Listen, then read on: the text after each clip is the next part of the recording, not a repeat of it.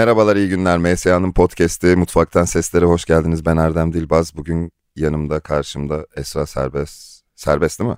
Evet, sonunda T yok. Evet, sonunda T yok. Esra Serbest var. Neden Esra Serbest var? Bir süredir tarım teknolojileri ve 8 milyar insanı nasıl doyuracağız sorusuyla birkaç program yaptık. Esra'ya da aynı zor soruları sormak istiyorum. Çünkü kendisi gıda inovasyonunda alternatif proteinler üzerine çalışıyor demek belki biraz kısıtlı olacak ama çok disiplinli bir şekilde yeni ürünler çıkartmakla uğraşıyor. Merak ettim. Hazır Türkiye'deyken yakalamak istedim çünkü kendisi Türkiye'de değil genelde. Bu tip yapılan işlerin arka planında çok bilinmeyen ya da çok fazla görünmeyen asıl bir çıkış noktaları vardır. Senin çıkış noktan ne oldu? Senin ilk disiplinin ne? Aa bak çok güzel hikayesi var onun. Ee, gen klonlama üzerine çalışıyordum aslında ben. Hiç alakası yok. Ee, TÜBİTAK projesi yürütüyordum. Ama aynı zamanda da outdoor sporlarıyla uğraşıyordum o dönemde.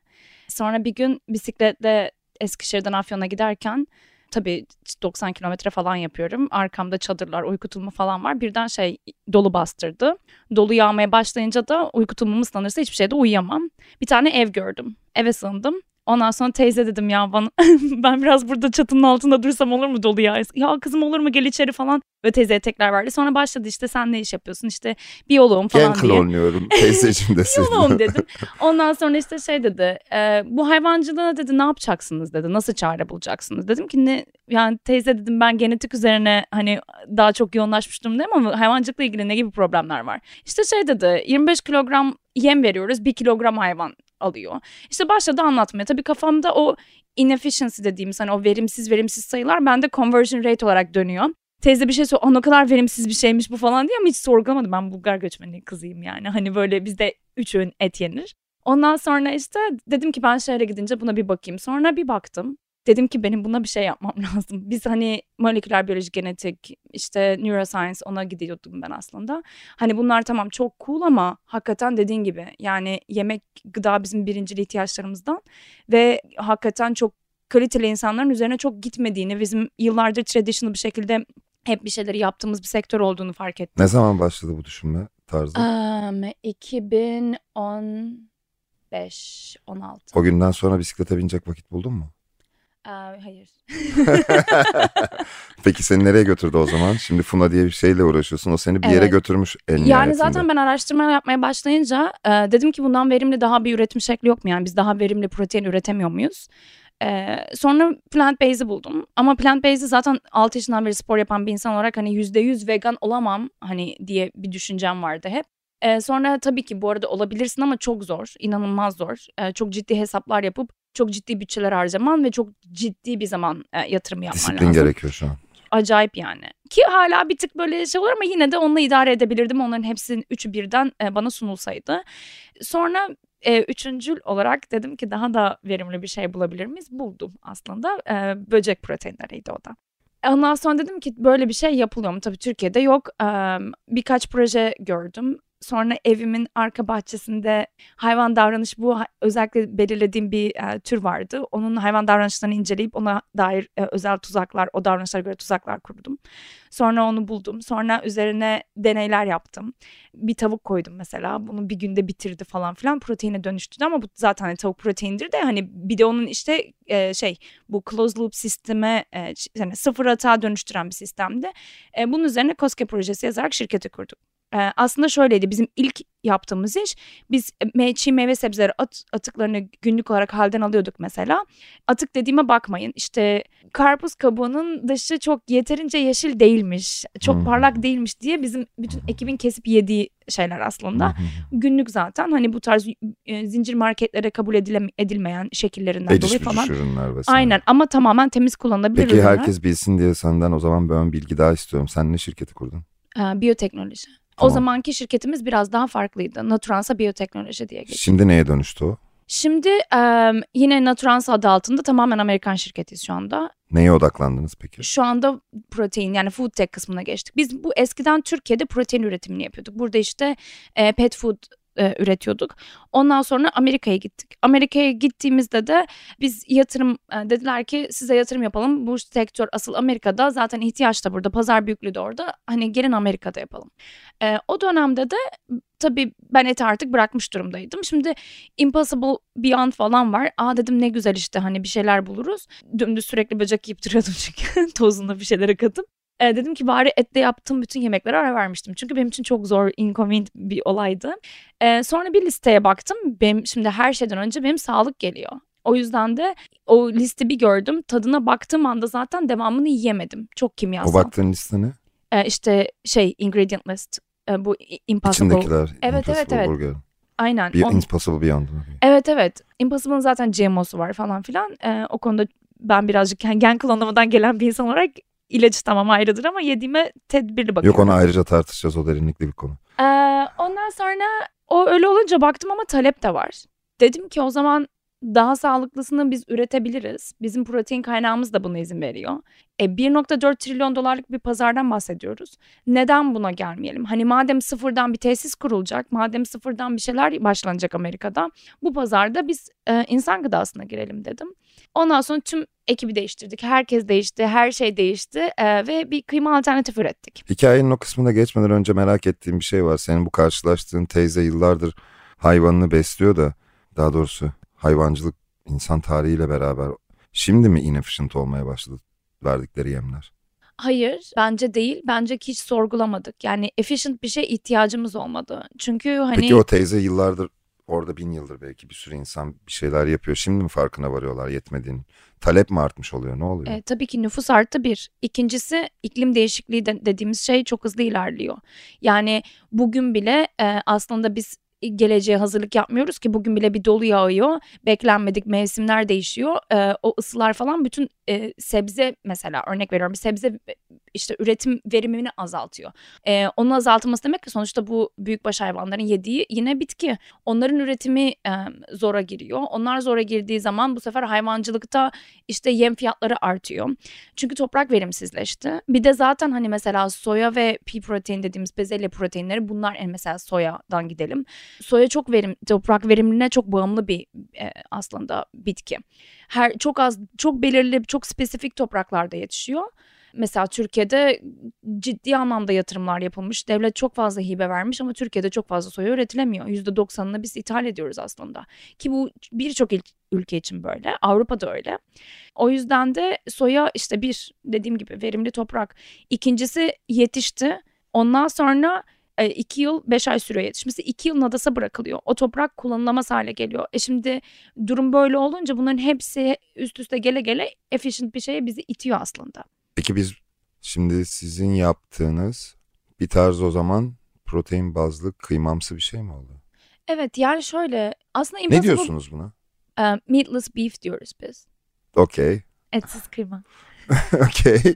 Tamam peki birazcık daha Çünkü spesifik. kıymanın aynısı yani hani aynısı derken kullanımı aynı, tadı çok Ya yakın. oradaki tartışmalar zaten bir süredir hep kafamızda var. Özellikle neden tadını arıyoruz? Tabii ki hani tadı bir geçiş için aranıyor olabilir illaki. Bence tattan çok experience bu arada. Experience bilmiyorum yani etten uzaklaşmış biri eğer et gibi bir şey yemek istiyorum diyorsa aradığı şeyin yani gene et gibi olması aslında başka bir tada kaçamaması. Ağzın galiba yeni bir tat arayışına girecek yakında. Yani şöyle Çünkü mesela eğer tad arıyorsan sen de formülize ederken tadına bakıyorsun ve en azından aşina olduğun bir tada ulaşmaya çalışıyorsun ama belki çok daha verimli proteinler alabileceğin kaynaklar tadı uymuyor diye kullanılmıyor olabilir şu an. her şeyi uydurabiliyorsun önceliklendirmeye ba- bağlı. Yani neler neler yapıyorlar. Ben food scientist'imin Peki laboratuvarını bir anlatsam sana. Harika ben de orayı biraz merak ediyorum çünkü seçtiğin proteini alacağın canlının verimliliğini onun üretim süreçlerine mi bakarak tercih ediyorsun? Yani maliyet giderlerine mi? Yani işte şu, şu böceği kullanırsam şu kadar zamanda şu kadar şey üretirim gibi mi bakıyorsun yoksa protein olarak mı bakıyorsun? Ya da bunları nasıl dengeliyorsun? Niye bir tane canlı seçiyorsun da başka birini seçmiyorsun? Şimdi şöyle aslında protein konusunda biz şu an cricket powder'dan geliyor bizim yani çekirge unu, Unu. proteini olarak geçiyor.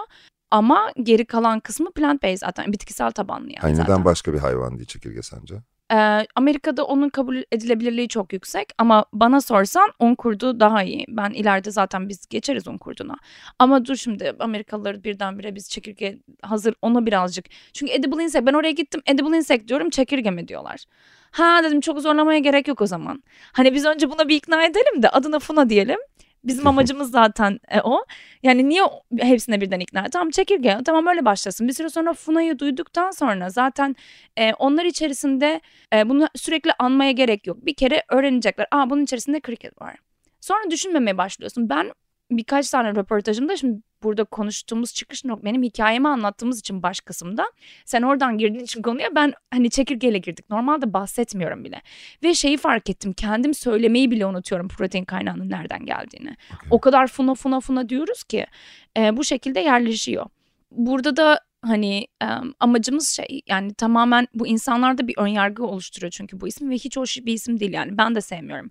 Böcek protein demeyi nefret ediyorum yani. Ben bence okey ya ben her şeyi yiyen biri olarak benim. Ya her şeyi yemek ayrı bir şey ama yani yine de ne bileyim böcek kelimesi orada bence orada. Sevimli bunu... böcekler yapabilirsiniz. tatlı tatlı figürler falan. Lay la lay la lay. Ya işte tamamen biz o algıyı ortadan kaldırmaya Peki bir şey çalışıyoruz. Burada eğer biz experience olarak bakıyorsak ve bunu e, bitki bazlı ve işte protein destekli bir kıyma olarak görüyorsak aslında tüm bildiğimiz e, reçeteleri yapabiliyoruz yemek olarak. Evet yani bence aslında o ben şöyle söyleyeyim. Peki ben başka cahilce bir şey sorayım lafını hemen Ay, balla böleyim. Ee, dışarıdan baktığında Amerikan kültüründe kıyma kullanılan yerler belli. Ama ben biraz yemek meraklısı biri olarak tabii ki sabah akşam hamburger yemeyeceğim. Belki atıyorum klasik bir bezelye yemeğine de koyacağım. Tarhana çorbasına da koyacağım. Başka bir şey de yapacağım. Ben bu kıymayı mutfağımda hele hele profesyonel mutfakta nerelerde nasıl kullanabiliyorum böyle? Elegant bir yemeklere çıkartabiliyor muyum? Fine dining bir yere götürebiliyor muyum? Bunun bir kıstası var mı yani? Kıymanın kullanıldığı yerde her şekilde aynı kondisyonlarda kullanılıyor diyebiliyor muyuz şu an? Yani neredeyse her yerde kullan yani aynı performans her zaman nasıl olur bilmiyorum ama ben şunu söyleyeyim. Asıl bizim zaten restoran tarafında daha iyi ürün. Hmm. Ee, onun da sebepleri şöyle. Birincisi e, şefler özellikle çok seviyor ürünü. Buradaki seb en büyük sebeplerden işte bilmiyorum hiç denedin mi böyle buna benzer Beyond Meat Impossible falan böyle bitkisel tabanlı et alternatifleri bilmiyorum hiç denedin ya, mi? Ya Türkiye'de denk geldim ama çok kriter olduğunu sanmıyorum. Evet ben de sanmıyorum. Ben de dene, denedim de. Evet, o yüzden denemedim ee, diyebilirim sana. Evet evet. O, o yüzden bizim ürün biz Türkiye pazarına hiç girmeye düşünmüyorduk ama şu anda inanılmaz bir taleple karşılaşıyoruz. Ben o yüzden uçağımı iki ay erteledim yani. Önemli değil gönderin biz deneriz ya. Vallahi şey birkaç tane restoran var çalıştığımız zaten. Hani ha, süper. Ben siz bile gidip şey böyle böyle diye. Ama bana önceden haber verin çünkü daha ürünü toplu yollamadık. Ben yollatayım. ben kendime Ama... isterim evde denerim sizden tamam. sonra. Sağ olun. Şimdi şey mesela Beyond Meat Impossible Burger'da falan onlarda mesela kimyasal bir te- taste var. Yani aşırı bir kimyasal tadı geliyor. Çünkü onlar çok spesifik tatları koymuşlar ki onların tamamen hedefi ete benzetmek. Aslında birinci soruna tekrar geri, yani az önceki soruna gelmek isterim. Orada tamamen amaç ete benzetmek ve çok ciddi kimyasallar. Daha pişirirken bile bütün yer koku yayılıyor. Şimdi böyle olunca şefler kendisinin istediği o kendi imzası olur ya. Hmm, hani, karakter. Ha, biz signature deriz İngilizce'de ben şimdi. İmza. Kuram, yani e, onu üstüne üzerine getiremiyor. Ama bizim ürünümüz çok sarıl bir ürün. Hani her ne kadar kıymaya yakın dahi olsa versatile bana yardım et. Ben 5 yıldır ilk defa Türkiye'ye geldim. Okey anladım şey adapte olabilir. Evet evet böyle hani ne koysan nereye yapsan geçen mesela Çekiştirilebilir. bana bir içli köfte yaptılar ben zannettim ki bana bilerek et yediriyorlar. Okey öyle güzel diyorsun. O kadar yani uyumlu olmuştu ki ben ilk defa ürünümü bak çok ürün yaptılar bizim ürünle. Hani özellikle Amerika'da dumplingsler falan yapıldı. Çok çeşitli şeyler yapılabiliyor İçli yani. köfte çok karakteristik bir şey. Ama hiç anlamadım ya. Kendi ürünümü tanıyamadım inanamıyorum. Fine Dining'de de yaptık. Mesela Güzel, şey e, bilmiyorum isim vermem uygun mu? Verebilirsin yani. Mesela Vertical'da bir event vardı. E, orada şefi İbrahim Şef'le beraber Sonuçta mesela. yani o... mutfak sektörüyle alakalı her yerde herkes birbirini tanıyor. Birbirimizden Doğru. haberdar oluruz. Ben hiç tanımıyorum sektörü. Beş yıldır dediğim gibi Türkiye'ye bile gelmemiştim. Her şey benim için şu an yeni ki mutfak sektörüne Türkiye'de hiç yoktum. Ben gen klonlama da araştırma yapan bir insandım. Hoş hani birden teşekkür ederim hoş bulduk. Ee, o mesela şey Ali Nazik yaptı ama o kendisi mesela freeze dried işte patlıcanların üstlerine falan yaptı. Farklı projeleri var onun mesela kafasında hani e, yapmak istediği şeyler ama onun dışında mesela e, Moda'da non burger var mesela E, orada değişik onlar kaliteli burger yapıyorlar örnek veriyorum. Onlar da mesela e, vejetaryen opsiyon yapılır mı diye bizim bir vegan formülümüz daha var. Türkiye'de birazcık daha onu ön plana çıkarmaya çalışıyoruz. Onun adını Funa değil biz private label'da e, restoranlara direkt e, hedef alan bir consumer değil direkt tüketici değil de restoranlara hedef alan bir stratejiyle. Onlar mesela burger yapıyorlar ve gayet de güzel oluyor. Farklı şeyler de yaptılar işte içli köfte yaptılar çok güzeldi. Kebap yapıldı. Hepsi gayet e, güzel oluyor. Ben Hocam sevdim. peki şu soruya tartışmalı konuya gelelim. Genetiği değiştirilmiş ürünler. Ben onu e, es geçip şeye gelelim mi? E, onu es geçmeden. Bence o şey sorun çok güzel bir soruydu bu arada. Ona da geliriz. E, Hangisi? insanlar hani tadın peşinde mi? Hani gerçekten kıymanın ben açıkçası çok eti zamanında aşırı seven bir insan olarak ben hiçbir zaman ete benziyor demem. Sadece o evet içli köfte gibi ürünlerde tamam ben anladım hani direkt anlamadım ve şey çok benziyordu ama bizim hedefimiz Funa ile aslında tamamen o o e, experience'ine yardım et. Deneyimi Deneyim. tamamen aslında replace etmekte. E, çünkü insanların ilk problemi tadı olmuyor. Çünkü tadı güzel bir şey zaten yiyorsun ve bizim düşündüğümüz zaman steak'ten bahsetmiyorsak hani pişirdiğimiz et işte içli köfte, kebap, e, lahmacun gibi şeylerde içerisinde zaten o kadar çok e, kat, yani bir sürü şey katıyoruz ki kıymanın kendi tadını alıyormuşuz gibi bir şey değil. Ama neyi arıyoruz? Mesela ben et yemeyen bir insan Türkiye'de ne kadar zormuş. Hiçbir şey bulamıyorum. Yani evet çok zor. Mesela şey arkadaşlarına bir yere gitmek zor. İşte ne bileyim yemek söylemek zor. Atıyorum bir pideci, her pidecide bence bir vegan kıyma alternatifi olabilir anlatabiliyor muyum? Bunu bu Açıkçası arada şey esnaf lokantalarına bakabilirsin ya. Türk mutfağının yarısından çoğu bana sorarsan vejeteryan. ev yemekleri güzel. Ev yemeklerinde Ondan bahs kotarırsın. Evet evet. Ama dışarıdaki restoranlarda pek öyle bir şey Ama işte yok. hayatın parçası da burada da insanların e, hobileri çok sınırlı olduğu için zaten herkes dışarıda yemek yemek için buluşuyor. hani yemek bizim hayatımızın inanılmaz bir parçası. Ben normalde Amerika'da arkadaşlarımla buluşacağım zaman asla yemek yemem. Yani evde pişiririm bütün yemeklerimi. Hiçbir şey vakit bulamasam da yemeğimi kendim yaparım. Ya Burada rakı masasında oturmak çok keyifli oluyor. İşte rakı masasında böyle her şeyde yani yemek bir şekilde sen ne yapacaksın dışarıda? Yani e, insanlar çünkü sadece mekanlarda bir araya geliyorlar. E şimdi böyle bir kültür varken ortamda ya şeye bakmak lazım. Bir pazara girerken bir ürünü girerken işte bunları hep düşünmek gerekiyor, tanımak gerekiyor. Mesela orada da insanların ihtiyacını görmek gerekiyor ki bazen de sadece şey değil. Flexitarian dediğimiz bir grup çıkıyor şimdi. Ki e, bence en sürdürülebilir model o. Ben bu arada vegan demiyorum kendime. Ben balık yiyen bir insanım ara sıra. İşte peynir yemiyorum ama işte yumurta yiyorum gibi gibi istisnalar yapıyorum. Flexitarian birazcık şey değil mi? Ee, oksimoron. Neden? Yani flexitarian. E şimdi nereye, Nasıl- nereden gittin oraya? Ne- Neye tekabül ediyor flexitarian? Flexitarian aslında şey e, şöyle et yiyor fakat eti azaltmaya yönelik hareketler yapıyor. Örnek veriyorum haftada iki kez et yiyor. Çabasını takdir ediyoruz yani. Anladım. Ya şöyle düşün aslında biz bir hesap yaptık. Ee, eğer Funa'yı e, Kaliforniya'da sadece Kaliforniya'da bir yıl boyunca dört yemekten birini bizim ürünle değiştirseler 4 milyon arabanın çıkardığı işte karbon emission oluşturduğu karbon emission işte South Carolina kadar büyüklükte bir arazi 5 milyon inek gibi gibi şeyler kurtarıyorsun. Aslında hepimizin vegan olmasındansa ki çok zor bence gerek de yok. Öyle bir şey olursa bu arada protein, bitkisel protein bulamayız. O da ayrı konu. Yani ben sek- gerçekten 8 milyar insanı yetiş yani bir tane ürünün yeteceğini sanmıyorum. zaten. Ye- yetmez zaten. Bir de yetmemeli de çeşitlilik lazım. Sonuçta bizim hani gut flora, e, bağırsak florası. Burada mesela hani onun çeşitlilik burada da çok önemli. Benim balığı çıkarmamamın haftada bir yememin sebebi de o. O yüzden de şey balık sürdürülebilir mi? Hayır değil ama yani benim haftada yediğim bir balık. Ya hepimiz bu şekilde birazcık daha çeşitlilikle böyle çok da kendimizi şey gibi buna dinleştirmezsek hani çok hoş olacak mesela. İşte yavaş yavaş hepimiz et azaltsak bu çok daha sürdürülebilir bir model e, azalttığımız etle aslında toplum yani herkesin azalttığını düşün aynı anda. Çok daha kolay yapılırsa. Şimdi sizin ürün piyasadaki diğer muadillerinin karşısına ekonomik olarak geçebiliyor mu? Yani şunu sormak istiyorum. Atıyorum bir restoran gitti lahmacun yapacak 50 kilo ki- kıyma aldı. 50 kilo kıyma almak yerine 50 kilo funu aldığı zaman tadı ve ekonomik olarak karşılığını bulabiliyor mu? Evet hatta yani bayağı bir indiriyoruz biz maliyeti. Sebebi de şu Funa'yı biz e, aslında dondurulmuş burger olarak e, piyasaya sürecektik. Ondan sonra Covid oldu. O dönemde e, supply chain bayağı bir sıkıntıya girdi.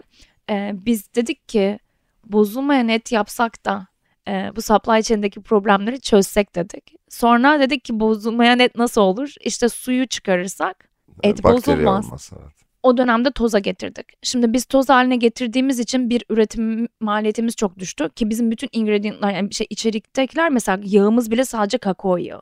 İşte nişasta bile yok içerisinde. Psyllium husk, işte yulaf lifi falan diye böyle. Yani bir okusan bizim içindekileri inanamazsın yani. O kadar super Çok food. maliyetsiz ürün çıkartıp çok karlı satacaksınız bize. Görüyorum gözlerindeki Çok fırıltıdan. maliyetli ürünü operasyondaki kostu düşürerek çok maliyetsiz hale getiriyoruz aslında. Güzel bir ürüne benziyor. Yani siz restoranda da işte depolamak zorunda değilsiniz mesela buzdolabında. Bozulmuyor da. Çünkü ne kadar ister istemez. Gene de ne kadar kalıyor? Bir yıl. Kullanma ürünü var. Şey var ömrü Bir var. yıl en az. Süper harika ya. Bununla neler yapacaksınız çok merak ediyorum ya. Ben özellikle yeni tariflerin peşindeyim. Ya şöyle aslında bu tamamen bizim bu ile ilk ürettiğimiz ürün tabii ki çıkış ürünü. Hani bir şey original vardır ya e, hani bu original hani bu çok daha satıl hani insanların üstüne katabileceği bir şeyler. Ama biz consumer'a gittiğimiz zaman tabii ki herkes bir şef kadar iyi onu e, flavoring onu işte örnek veriyorum baharat karışımı falan filan bunların e, diğer işte sosları falan filan e, bir şef kadar kullanamayacağı için bunu hani evde de e, çok rahat üretebilecek bir, mod, bir or- modüle getirmeyi istiyoruz. Onun için de ileride örnek veriyorum taco. Direkt taco çok tüketilen bir şey Amerika'da. Meksikalılar zaten böylece tüketime de alışık. O yüzden bizim ilk büyük, büyük ihtimalle taco ile başlayacağız. Onun baharatı ayrı şekilde o şekilde çıkabilir. Yani daha çok önü var. Daha biz bu et yani bunun tavuğu var daha bir sürü şey var ama şimdi biz startupların bir kuralı vardır odaklanmak o da. Hani bizim odaklanmamız gerekiyor bu ürüne. Bizim yapmamız gereken şey zaten yani bu ürün kendisini biz satarsak zaten çok güzel yerlere geleceğiz. Ondan sonra ekibi büyütünce yelpazeyi artırdıkça artıralım. Ben şeyi sevmiyorum ama böyle tam bir ürün bir şey oturmadan e, genelde şey e, satış rakamları düşükse ürün çıkarmaya çalışıyorlar farklı bir tane. Hayır orada bir problem var. Orada bir hani gel bu ürünü daha birazcık daha iyileştir. O strateji çoğu zaman tutmuyor ya. Bakma çok eski markalar da bazen yeni markaların karşısında sürekli yan ürünler çıkartıp telaşa geliyorlar. O, o bu bir klasik bir yönetici yaklaşımı, o tercih meselesi. Benim merak ettiğim asıl bu çok büyük bir pazardır ama e, dünyanın hiçbir yerindeki alternatif proteinle çalışan kurumunda tüm dünyaya hakim olayım diye bir kaynağı ve vakti yoktur. Siz nerelere odaklandınız? Şimdi Amerika sonra belki şimdi Türkiye'de ufak bir deneme. Ne, nereye doğru gideceksiniz? Önce yani şey mi var odağınızda? Ya yavaş yavaş bir Amerika'da oturtalım sonra bir yerlere çıkarız mı yoksa tohumlar atalım ama onları da takip etmek için enerji gerekecek. O yüzden ben diyorum ki Türkiye pazarına kim girmek istiyorsa ben ürünü satarım gerisine karışmam. Direkt. Ben ürünümü veririm yokum burada diyorsun. Aynen ama çünkü onu da fun olarak vermiyoruz zaten. Biz Türkiye pazarına vegan ürünle giriyoruz. Yani Niye Funa'yı getirmeyeceksiniz? e, çünkü bence Türkiye henüz cricket yemeye hazır değil. Ya şöyle dediğin şey minnoş çekirge. ha, onların iç bizde çekirge diye bir şey görmüyorsunuz zaten. Bana bile bize bile toz geliyor. Biz Peki, bile görmüyoruz. Yani biz çekirgeyi uyurken bile yiyor olabiliriz ya yazın. Ya em, Erdem şöyle bir iki tane şey söyleyeyim. Birisi Ayşe Arman'la bir röportajı olmuştu bizim ekibin. Altındaki yorumları okuman lazım. Anneme babama bile küfürler etmişler. Yani Ya o insanları ben o kadar dikkate almıyorum. Kamusal öyle deme. Ben trending tweet oldum. Bir kere bizim öyle e, bir yine isim vereyim mi vermeyeyim mi? Önemli verebilirsin. Em, TRT World'un bir e, interview'su vardı ki hani İngilizce zaten bir sürü şeyde karıştırmış. Tam olayı da anla, ne kadar anladılar bilmiyorum ama ben Amerika'dayım. Türkiye'de yayınlanmış sabah. Bizim tabii benim sabahımda ben bin küsür Twitter'dan ben Twitter'da o kadar e, influencer değilim. Nereden gelmiş bu kadar bildirim diye trending tweet olmuşuz. Hmm. İşte Bill Gates'in askerleriymişiz de o bizi şey yapmış da çip yerleştirecekmişiz de şu, bu, şu o kadar çok yani gerek mi var? Senin pazarında alıcıların onlar değil ya. İnternet kamusal alanı Ya biraz fazla anlıyorum, anlıyorum ama yani niye böyle bir şeyle uğraşayım? Anlatabiliyor muyum? Yani Türkiye zaten küçük bir pazar. Bir de Anladım. üstüne çekirgeye zorlamaya çok gerek yok bence. Anladım. Ama ben daha büyük potansiyel olduğunu düşünüyorum. Beni inandırın ya. Ben bu ülkede çok çabaladım Sen insekt internete konusunda. bakarak inanmaya İna- çalışırsan Hayır. çok kötü. Bak şöyle söyleyeyim. Ee, biz iki tane ARGE projesi aldık. Birini e, geri verdik ama biri devam ben Amerika'ya gidince proje devam edemedi. Bir tane ARGE projesi aldık. Az para da değil yani hani. e, Ne düşünüyordunuz? Ne üzerine argeydi? Gene Yo ilk ilk öyle çıkardık biz protein üretimini falan filan biz o argeyle yapabildik. Yani sonuçta ben devlet beni destekleyerek bana ilk eksperimentler yapabildim. Hani. Ee, evet deneyleri yapabildim ama sonra biz onu tam ürünleştireceğiz. Pet food üreteceğiz, satacağız. Ee, bir tane kod giremiyormuş bize izin verirken Hmm. ve o kod orada yazılmadığı için seçemiyorum dedi. Yani bizim çıkmadığımız makam kalmadı. Gıda Tarım Hayvancılığı Bakanı'nın kendisiyle de görüştük yıllar önce. Şu an yani yıllar önce. O kadar çok şey insanla görüştük ve o kadar çok şey yapılmaya çalışıldı ki ama üsttekilerden bile hani o günün sonunda eylemi yapan insana geçtiğimiz zaman tıkanıyoruz. Çekirgeyi zaten bizim burada büyük ihtimalle yasalardan geçemez. Yani bunlar çok karışık konular. Çok kolay gibi gözüküyor. Doğru söylüyorsun. Ee, ve maalesef biz yenilik yapmak o kadar uzun süren bir şey ki bu Avrupa'da da biraz öyle. Avrupa'da sadece bizim şu anda çok yani dünyanın en büyük böcek üreticilerinden biri olan Insect'le bir çalışma yaptık. İnanılmaz sonuçlar çıktı. Onlar da çok mutlular. Biz Avrupa'ya girersek hani onların ve bizim yatırımcılar var Avrupa'da. Ee, onların network'üyle olacağı için bizim odamız çok bozulmadan yapabiliriz. Ama bizim şu anda birinci odamız Amerika. Amerika zaten çok çok büyük bir pazar. Japonya'yı falan uzak doğuyu düşünmüyor musunuz? Oralarda da sanki potansiyel Japonya var. değil de hani daha diğerleri e, de yiyebilir aslında. Hepsi olabilir. Ama şöyle bizim yapmaya çalıştığımız şey aslında et yiyenleri ikna etmek. Çünkü onları yaptığınız zaman şimdi şöyle düşün. Çin'de yenildiğini düşünsen. Çin'den gelen bir şey Amerika'ya yedirmek çok kolay değildir. Ama Amerika'da yenilen bir şey Çin'e yedirmek çok kolaydır. Aynı şey Türkiye için de öyle. Ben bilemiyorum olabilir. Çin yemeği yiyorsan Amerika'da bolca belki yedirilebiliyor olur. Yani ama öyle değil. Bu şey markalaşma yani Amerikan markası olmasıyla Çin markası, Çin markası olması olması arasında çok çok fark fark, var. Çok fark var. O yüzden böyle evet bunları herkesin aklına geliyor böyle ilk ya zaten onlar böcek yiyor zaten şuradan Hayır yok falan diye. zaten şey gibi Türk Türkiye'lisin dünyanın bir yerine gidiyorsun kebapçıya götürüp tarkan açıyorlar. Yani zaten Türkiye'den geldim. Ben arkadaşım yani gerek yok. Az önce dinliyordum havalimanında gibi bir şey oluyor. Hak veriyorum sana. O birazcık saçmalık doğru söylüyorsun. Ya ben özellikle bunun geri planını da biraz merak ediyorum. Bu işleri yönetmek nasıl oluyor? Yani yönetim yönetişim modeli nasıl, governance nasıl, arka planda nasıl dönüyor işler? Ee, bizim şey Ya Amerika agresif bir çalışma şekli mi var yoksa daha stratejik to the point minik minik milestone'larla mı ilerliyorsun? tabii yani çok ciddi Nasıl kararlar vermek bölümlere ayırdınız? Nasıl ilerliyorsunuz? Agresif bir orta ve uzun vade planlarınız mı var yoksa kısa vadede insanları dert anlatarak da geçen bir zaman oluyor mu? Ee, her- hepsi oluyor. Yani bu tamamen konu konu başlığına göre değişiyor. Hepsi oluyor. Ama şu anda yapmaya çık yani şu an çok güzel bir yerdeyiz. Ee, biz uzun vadeli oynuyoruz. Genel olarak aslında baktığın zaman uzun vadeli olay. Ama e, her şey bizim lehimize o kadar işliyor ki her şey hızlanmaya başladı. Bundan sonra çok daha hızlı gidecek. Bizim maalesef satış iznimiz 3 ay sürecek kısım 2 yıl sürdü. Covid'e denk geldi ve bizim Amerika'da her şey durdu o dönemde. Bizi en çok inanılmaz derecede yavaşlatan ve zorlayan şey oldu. Biz hala onun üzerinden o recover etmeye çalışıyoruz yani e, bazı noktalarda. Ama onun dışında şöyle şu anda e, et fiyatları her yerde artıyor. Sadece Türkiye'de değil. E, ama Türkiye'de biraz daha hızlı artıyor ayrı konu. E, ama onun dışında mesela plant based sektöründe bize plant based e, protein üreticileri de yatırım yaptı bu arada. Aslında plant based'de de çok ciddi bir e, sorun var. E bu insanlar ne yiyecek? E, cell based çok geride. E, fermentation base çok geride. Bunların hani o kadar geride geriye bize o kadar güzel bir alan kalıyor ki ve çok güzel bir şekilde bizim teknolojimiz bugün hazır. E, bu bizim derken bizim bütün sektörün yani bütün insek üreticileri de dahil ben sana buna. onu soracaktım. Dünyada nasıl gidiyor? Diğerleriyle iletişiminiz nasıl? Pazar bir Biz anda mı çıkış hepsiyle- yapacak? Tabii biz hepsiyle iletişimdeyiz. Yani e, zaten iletişimde olmak zorundayız. Şöyle ilk başta biz üreticiyken Türkiye'de biz üreticiydik. Böcek üreticisiydik. Ondan pet food'a çeviriyorduk. Amerika'ya gittiğimizde bütün bu aslında bizim sektörün tamamen probleminin marketing ve yanlış ürünlerle girilmiş, yanlış branding yapılmış olmasından dolayı çok yavaş ilerlediğini fark ettiğimde ben zaten bütün ekibi baştan kurup e, tamamen son tüketici ürünü biz kıymaya odaklanalım. Herkes üretiyor artık. E, teknolojiler de çok ilerledi. Hatta bizim şey üreticilerden biri mesela AI robotics'le üretiyor çekirgeleri. Ödül aldılar teknolojileriyle. Hani bunlar bu kadar iyi giderken sorun nerede? Kimse consumer'ı ikna etmeye çalışmıyor.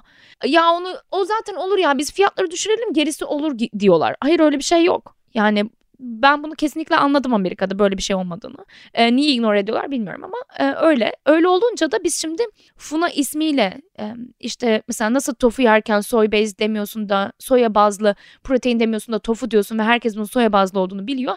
Biz Funa ile bunu yapmaya çalışıyoruz. Bunu yaptığımızda olan olacak şey şu.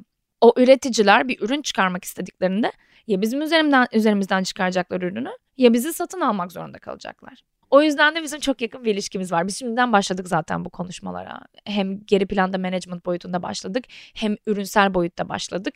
Çok da güzel ürünler çıkıyor. Hatta yani birkaç tanesi şu ana kadar bizim ürettiğimiz e, işte bu böcek unuyla yapılmış en güzel e, son tüketici ürünü de duyduk biz.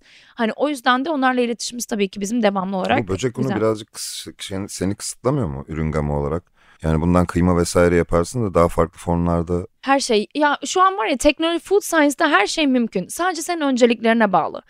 Ee, bizim önceliğimiz biz bir protein daha verimli bir protein çıkaracaksak bu sağlıklı olmak zorunda. Benim o kadar e, restricted bir diyetim var ki bir, ben sana ne yemediklerimi yazsam var ya böyle inanamazsın yani. Paketli bir tek kuru yemiş falan yiyorumdur herhalde ben.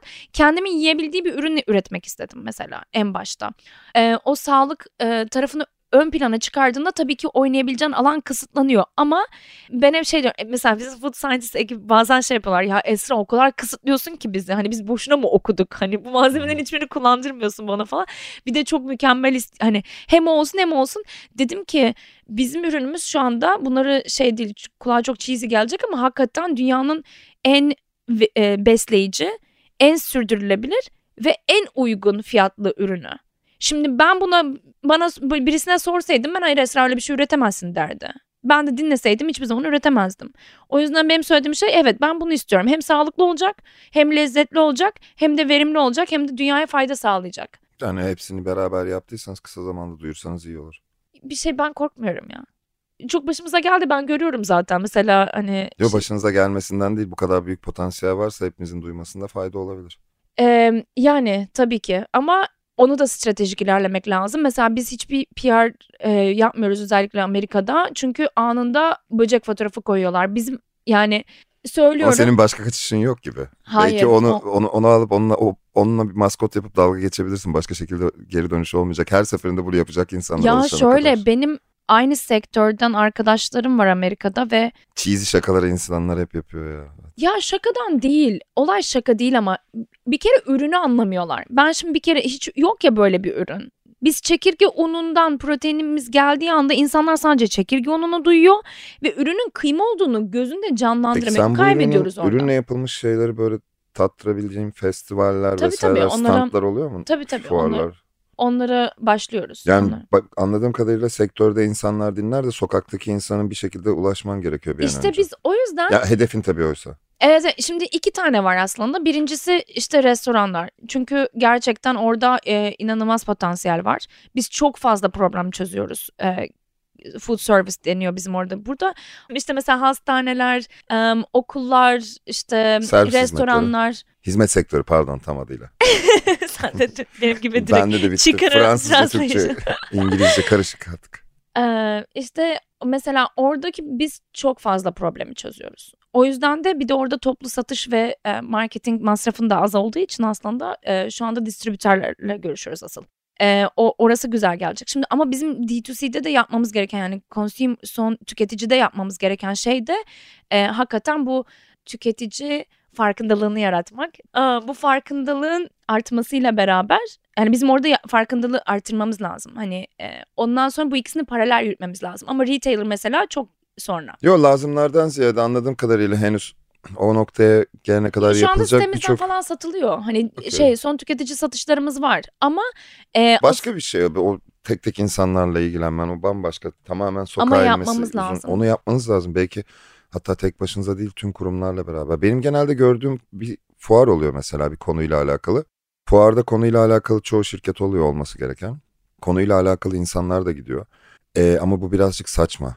Çünkü zaten herkes konuyla alakalı. Evet. Herkes aynen. konuyu biliyor. Yani aynen bu açık öyle. radyoda demokrasi konuşmak gibi bir şey oluyor. Yani tüm dinleyiciler olarak biz hepimiz demokratız zaten. Bu bizim Kral FM'de bunu konuşmamız daha iyi olmaz mı acaba? Hani egzajere ediyorum bir kesim anlamında değil. Daha konuşulmayan yerde. Yani fuara gitmen de aslında senin için dezavantaj. Senin sokağa inmen de gerekebilir. Daha karışık festival alanları sanki bunun daha iyi gidebileceği yerler gibi geliyor benim hep. Ya bu kulağıma. tamamen şey gibi işte. Ya mesela... ben olsam bak Hı. vaktim olsa bir tane ufak şirket kurar bununla yemek yapan minik bir barka açardım böyle bunu satardım Eee, gibi geliyor. bir food truck akl- aklımda Evet, var. yani Amerika'da sanki bu minik minik yani böyle Aynen, kendi aynen. kendini döndüren Hafta ufak bir dükkan. şey kendime site hustle falan "Hmm, diye. bak burada hem uygun fiyata hem lezzetli Evet. bir şey yiyorum. Sektöre yeni giriyoruz. Yani biz food sektörüne yeni giriyoruz. Dinamikleri yeni anlıyoruz. Hani bizim hep daha teknoloji kısmındaydık İnsanlar biz. aç. Ben, bunu anladım yani. Her yerde herkes durmadan yemek yiyoruz. Çok fazla yemek yiyoruz farkında mısın bir insan için? Evet. Ben ben çok yemiyorum ama Yok evet. yani genel olarak ben de yemiyorum da insanlar çok yemek yiyor. Sabah öyle akşam akşamdan sonra gece yatarken Evet. mideleri hiç durmuyor. Ya ben günde genelde bir öğün yiyorum. Arada da kuru yemiş ya da smoothie atarsam hani o kadar. Ne güzel. Bu kadar yani. Yani o yüzden yemek sürekli hani deli gibi gidecek. de spor yapıyorum bu arada. Hani maratona hazırlanıyorum. O yüzden hani acayip spor da yapıyorum ama hani bir şekilde bunlara ihtiyacımız olan aslında o kadar değil. Tabii ki bunlar bunlar hepsi farkındalık e, işte zamanın zamanla bence hepsini Segment anlayacağız. çıkartmayı düşünüyor musunuz? Yani mesela sporla ilgileniyorum işte bir yandan vesaire diyorsun ya. Bizim asıl zaten sporcular. Ama sporcu besinleri bambaşka konular ya. Hani Sporcu karbonhidratı değil ama şimdi onların da normal yani biz de normal besleniyoruz yani hani. Evet evet onu sormak istiyorum zaten. Sadece bu şimdi hazırladığınız protein bazlı protein ve protein katkılı diyelim ben de çünkü çok katkısı yok bitki bazlı daha çok. Yanlışsam düzeltirsin. Ürünün farklı gamları olacak mı yani? Daha yoğun proteine ihtiyaç duyanlar için ya da işte kahvaltılık böyle hızlı atıştırmalık protein barlar gibi ya da bilmem ne vesaire. Yani sadece mass sektöre bir giriş yapıp bunun nasıl kullanılacağını mı görmek istiyorsunuz? Şöyle onlar zaten kendi içinde Ben sektör niş. nereye gidiyor onu merak ediyorum Evet, biraz. Hayal sektör- etmeye o, o sektör zaten çok niş bir sektör. Yani bizim nişle işimiz yok. Zaten e, içerisinde e, böcek proteini olmasıyla bir niş yaratıyoruz. Bir de nişin içerisinde bir niş yaratmaya gerek yok. Bir de protein bar falan değil ki dünyanın problemi. Biz şu anda yapmaya istediğimiz şey şirket olarak dünyanın proteine ihtiyacı var. Sen yani dünyanın pro- problemiyle ilgileniyor musun? Afrika'da çalışacak mısın? Afrika mı dünyanın problemi? Aç olan insanlar en çok orada. Aç, açlık bir kere bir şey söyleyeceğim. Biz Aç olacaklar burada. Aç olanlar orada. Yani duruma bir dakika dünya problemi olarak bakıyorum. İkisi de problem. Hayır dünyanın şu anda problemi protein kaynaklarının tükeniyor olması. Hani bunun farkında değilsiniz ama protein kaynaklarında ciddi bir sıkıntı var. Her şeyin farkındayız ama umursamıyoruz insanlık olarak. Tamam, Biliyorsun işte- son dakikada uyanıyoruz Ha ya işte olaylara. yani o son dakikada uyan işte uyanan insanlar var ama hani ki düşün yani ben 2015'te başlamışım bunu düşünmeye. Hani ki daha biraz Vardır. erkendim. Hani erken davrandım. Az daha akademik kariyer yapıp sonra gelseydim bu kadar zorlamazdım. ama işte şey e, o taraf devam ediyor. Afrika'ya gelirsek e, biz denedik aslında. E, bağış bile denedik. Hani şunu satalım şu kadarını satılanın aynısı bağış yapılsın falan filan. Dediler ki eğer bunun bir marka şekilde yaratılmazsa Afrikalılara böcek yediriyorlar dedirtirler bize. Birleşmiş Milletler'in paketleriyle anlaşmak. Evet evet ama o paketlerle anlaşırsan Birleşmiş Milletler Af- Afrika'ya böcek böcek yediriyor derler. Anladım. Ya bu aklımıza gelen ilk şeyler günlük hayatta o kadar tutmuyor ki sana Hmm, anlatamam. anladım. Ama şu an ben kendim şahsi olarak kendimi zaten hani bu ya o kadar saçma ki protein üretim tarzı. Ya keşke biraz daha anlatabilsem. Keşke gerçekten anlasanız nasıl protein ürettiğimizi. Yani bitkisel proteinler inanılmaz saçmalık. Onu da söyleyeyim. Bitkisel protein dediğin barbunya falan falan mı? Ya bezelye proteini falan hani protein anlamında yapılan Onları kısmı. yemek ama değil. de Barbunyadan bunlardan hayır, yani bahsetmiyorum. bunları yemekten değil bunlardan çıkartılan proteinin Evet, evet değerinden prote- bahsediyorsun. e, proteinlerin üretim şekli ve hani sanki gerçekten çözüm olabileceği hepimiz vegan olduğumuzda çözü- çözülebilecek bir problem varmış gibi sonra yani böyle çok değişik yani o kadar kısıtlı verilerle bak- bakılıyor ki kimse bir şey bilmiyor bir şekilde olay yayılıyor hani bu Nerede olmalı. en büyük cahillikler var? bitkisel proteinlerin üretiminde çok büyük bir, bir sorun var. Sonra bu az önce dedin ya Expo'ya hani e, fuara işte hep aynı düşünen insanlar. Mesela benim LinkedIn'ime bak zannedersin ki yarın marketten cell based meat alabileceksin laboratuvarda üretilen eti. Gerçekten bir tanesi laboratuvarda üretilen köpek e, maması çıkardım diyor. Ya arkadaşım sen ne saçmalıyorsun? Hepsi o kadar uzaktalar ki. Arkadaşlarım var bu arada şirket sahipleri? Onlar hani diyor ki yok Esra diyor hani bir tane demo yapabiliyoruz diyor. Saçmalama nereden çıkardın falan diyor. Bu Amerika'dan bahsediyorum. Hani insanlar bu kadar geride ama LinkedIn'de öyle bir reklam veriyorlar ki se- yatırımcılar da zannediyor ki yarın fermentation based şey çıkacak. Fermentasyonla üretilen proteinlerin deneylerinin bile yapılması için sırada bir yıllık fermentörlerde üretiyorlar. Bu arada bir deney var. Daha deneylerin yapılması için bile bir yıllık sıra var. Onun çok işi var. Onlar çok geride. E plant based zaten yetişmiyor. Yani bu arada çok kısa anlatayım. Soyada normalde %16 protein vardır ki en yüksek proteinli bitki. O %16'nın burgerde Impossible ya da Beyond gibi burgere girebilmesi için o kadar gramda aynı e, e, etle neredeyse neredeyse aynı proteini tutturabilmeleri için %80'e e, konsantre etmeleri lazım. %80'e hatta 90'a. Onları konsantre etmek için o soyanın bileşenlerinden Şimdiden çok Nişastayı- mantıksız gelmeye başladı. Nişastayı dedikleri. çıkarıyorsun tamam mı? O nişasta zaten yüzde sekseni falan. Sen şimdi soyayı yetiştirdin. Zaten az yetişen tarlada iki yılına da beş ay sürdü. Onu aldın, işledin bilmem ne falan filan. Ondan sonra onlardan anca yüzde onunu yirmisini çıkardın. Anladım anladım. Bu, bu, bu benim doldurulabilir şişeleri geri dönüşüme atmamız gibi. Sıcaklık her zaman yani her zaman toprak daha verimsiz oluyor. Bizim ha- sürekli şey e ne yapacağız? Vertical farming dediğimiz o e, kısı, yani iç mekanlarda soya yetiştirilmiyor. Domates lahana yetiştiriyorsun anca. E biz bunu öyle de yapmayacağız. Yani verimli toprağa hep bağımlı olacağız. 10 yıl sonra zaten verimli toprak diye bir şey kalmayacak. Nerede üreteceğiz plant based'i? E peki bunların hepsi madem bu kadar şey hayvancılık da olmuyor. E peki biz ne yiyeceğiz Erdem? O da var zaten. Plant based, böcek- plant based diyorsun da plant based'in de bir şey var. Bir yerde bitecek o da. bitecek. Ve diğer bir olay da şu. Mesela bir impact yaratılmaya çalışıyor değil mi? Bir etki yaratmaya çalışıyoruz. Eti hakikaten azaltmamız lazım. Bu bizim sağlığımız için de öyle, dünya için de öyle, e, her şey için öyle. Ama ben belki de şöyle bir cahillik yapmamakta fayda var. Hani birilerini azaltmak ya da işte plant based'lerin yani şey bitki bazlı bir şeylerin biteceğini öngörmek yerine tarım teknolojilerinde ya da gıda inovasyonunda illaki daha verimli yetiştirme alanları üzerine kurgular yapan insanlar da vardır diye düşünüyorum. Neyi yani Her dünya türlü sebze climate change oluyor. Yok oluşa doğru gideceğiz yani Ya yıllar işte sonra. insanlık öyle son dakika böyle tam aa ölüyoruz İşte derken bir ama fikir şey bulacak. değil aslında işte olacak. insek tamamen bunların hepsini çözüyor. Bizim insekte şu an teknolojimiz var. Gene de 8 Serbezle milyar insan fermentation. doldur, doya, Do- do- doyurursun tabii ki. Yukarı çıkabiliyorsun. Git Kapadokya'da mağarada yetiştir istersen. Sistemi kurulmuş bir şekilde artificial olarak. Sadece tek yani hepsinden daha sağlıklı. Tüm sevdiğim böcekleri yiyecek gözüyle bakmak beni çok üzecek biliyor musun? Hepsini Bazı böcekler çok güzeller. Tamam çünkü. onlara zaten onlar genelde yenmeyen şeyler güzel oluyor. Bak ama şimdi de oraya karlık başladı. Normalde et yiyorum ama evde kedim var. Hı hı. Birazdan da böcek yemeye başladığımda ya da örümcek ya da herhangi bir şey. Ya bu böceği yemesek mi bu çok güzel diye ağlayacağım. Tamam işte bak o, o güzeller var. genelde yenmiyor böyle. Hani uğur böceği yenen bir böcek değil zaten yani. Örnek veriyorum. Kelebeği yemiyorsun zaten. O yüzden şey yapma.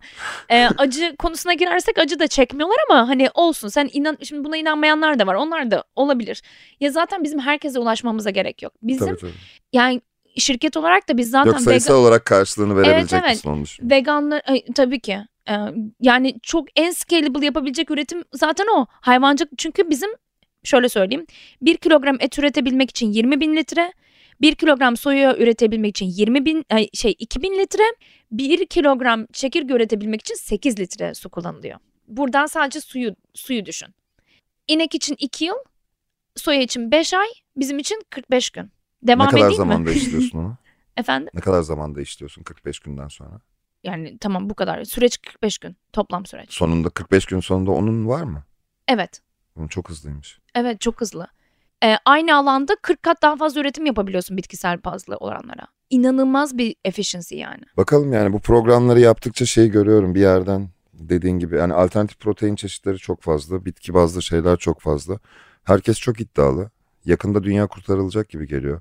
Önemli olan insanların hani tüketicinin sonuçta bir, bir şekilde buna fark biz artık hayatımızı adamışız böylere. Yani bu bu sektöre tamamen hayatımıza Tamam yani, sizin gittiğiniz sektörden biz aç kaldığımızda farkına varacağız. Çok aç kaldık ekonomi çok kötü ne ya yiyeceğiz öyle değil. diye. Ben bir şey söyleyeyim hani Ben bizim insanlığın çok geç bir şeylerin farkına vardığına varıyorum Valla ben ya. San Francisco'da yaşıyorum. Hepsi e, her Ama San yerde deli gibi Francisco'da yani ne koysan zaten deneyelim diye insanlar atılıyor. Onun dünyaya Ama açılması da denemek ayrı, açacak. retention var. Ee, ama Amerika'yı değiştirsen zaten çok şey değiştiriyorsun şu hayatta ya. Evet. Biraz. Bazı ürünler kabul görmüyor ya hala. Ee, Avrupa'da mesela olacak şeyi biliyorsun. Avrupa'nın çok sıkı bir sağlık kodeksi falan vardır. Onlar aylarca yıllarca tartışacak. Avrupa'da daha hızlı ilerliyor bu arada. İnsek Şaka yapıyorsun sektörü. mümkün Hayır. değil. Avrupalılar daha... Hayır. Gerçi evet onlar şey diye... Ger doğru organik şarabın içinden böcek çıkıyor genelde. Sıkıntı yapmıyorlar. On. Avrupalılar mantık, Amerikalılar duygu insanıdır. Ben bilemiyorum doğrudur o kadar tanımıyorum seni. Avrupa'da da yaşadım ben. Ama Avrupalılara de ki bak şu şöyle bu kadar. Ama Amerika'da marketing yapman lazım. Deli gibi marketing yapman lazım. Onların dilinden konuşman lazım. Sektör zaten Avrupa'da hızlı gidiyor. Ee, onda problem yok. Ama dönüp dolaşıp Avrupa'dakiler de Amerika market pazarına girmek isteyecekler. Ben o yüzden Amerika pazarına girelim dedim. Esra çok sağ ol vakit ayırdığın Ben için. teşekkür ederim. Nereye gidiyor neler oluyor öğrendik en azından. Markanı da dinlemiş olduk. Çok daha fazla konuşacak şey var ama Tabii. belki bir dahaki sefere ben oraya geldiğimde denk geliriz. Çok güzel olur. Başarılar. Çok teşekkür ederim. Biz dinlediğiniz için çok teşekkürler. Bundan sonra ne yiyeceğimize karar vereceğiz diye düşünüyorum. Şimdiden acıktım. Görüşmek üzere, hoşçakalın.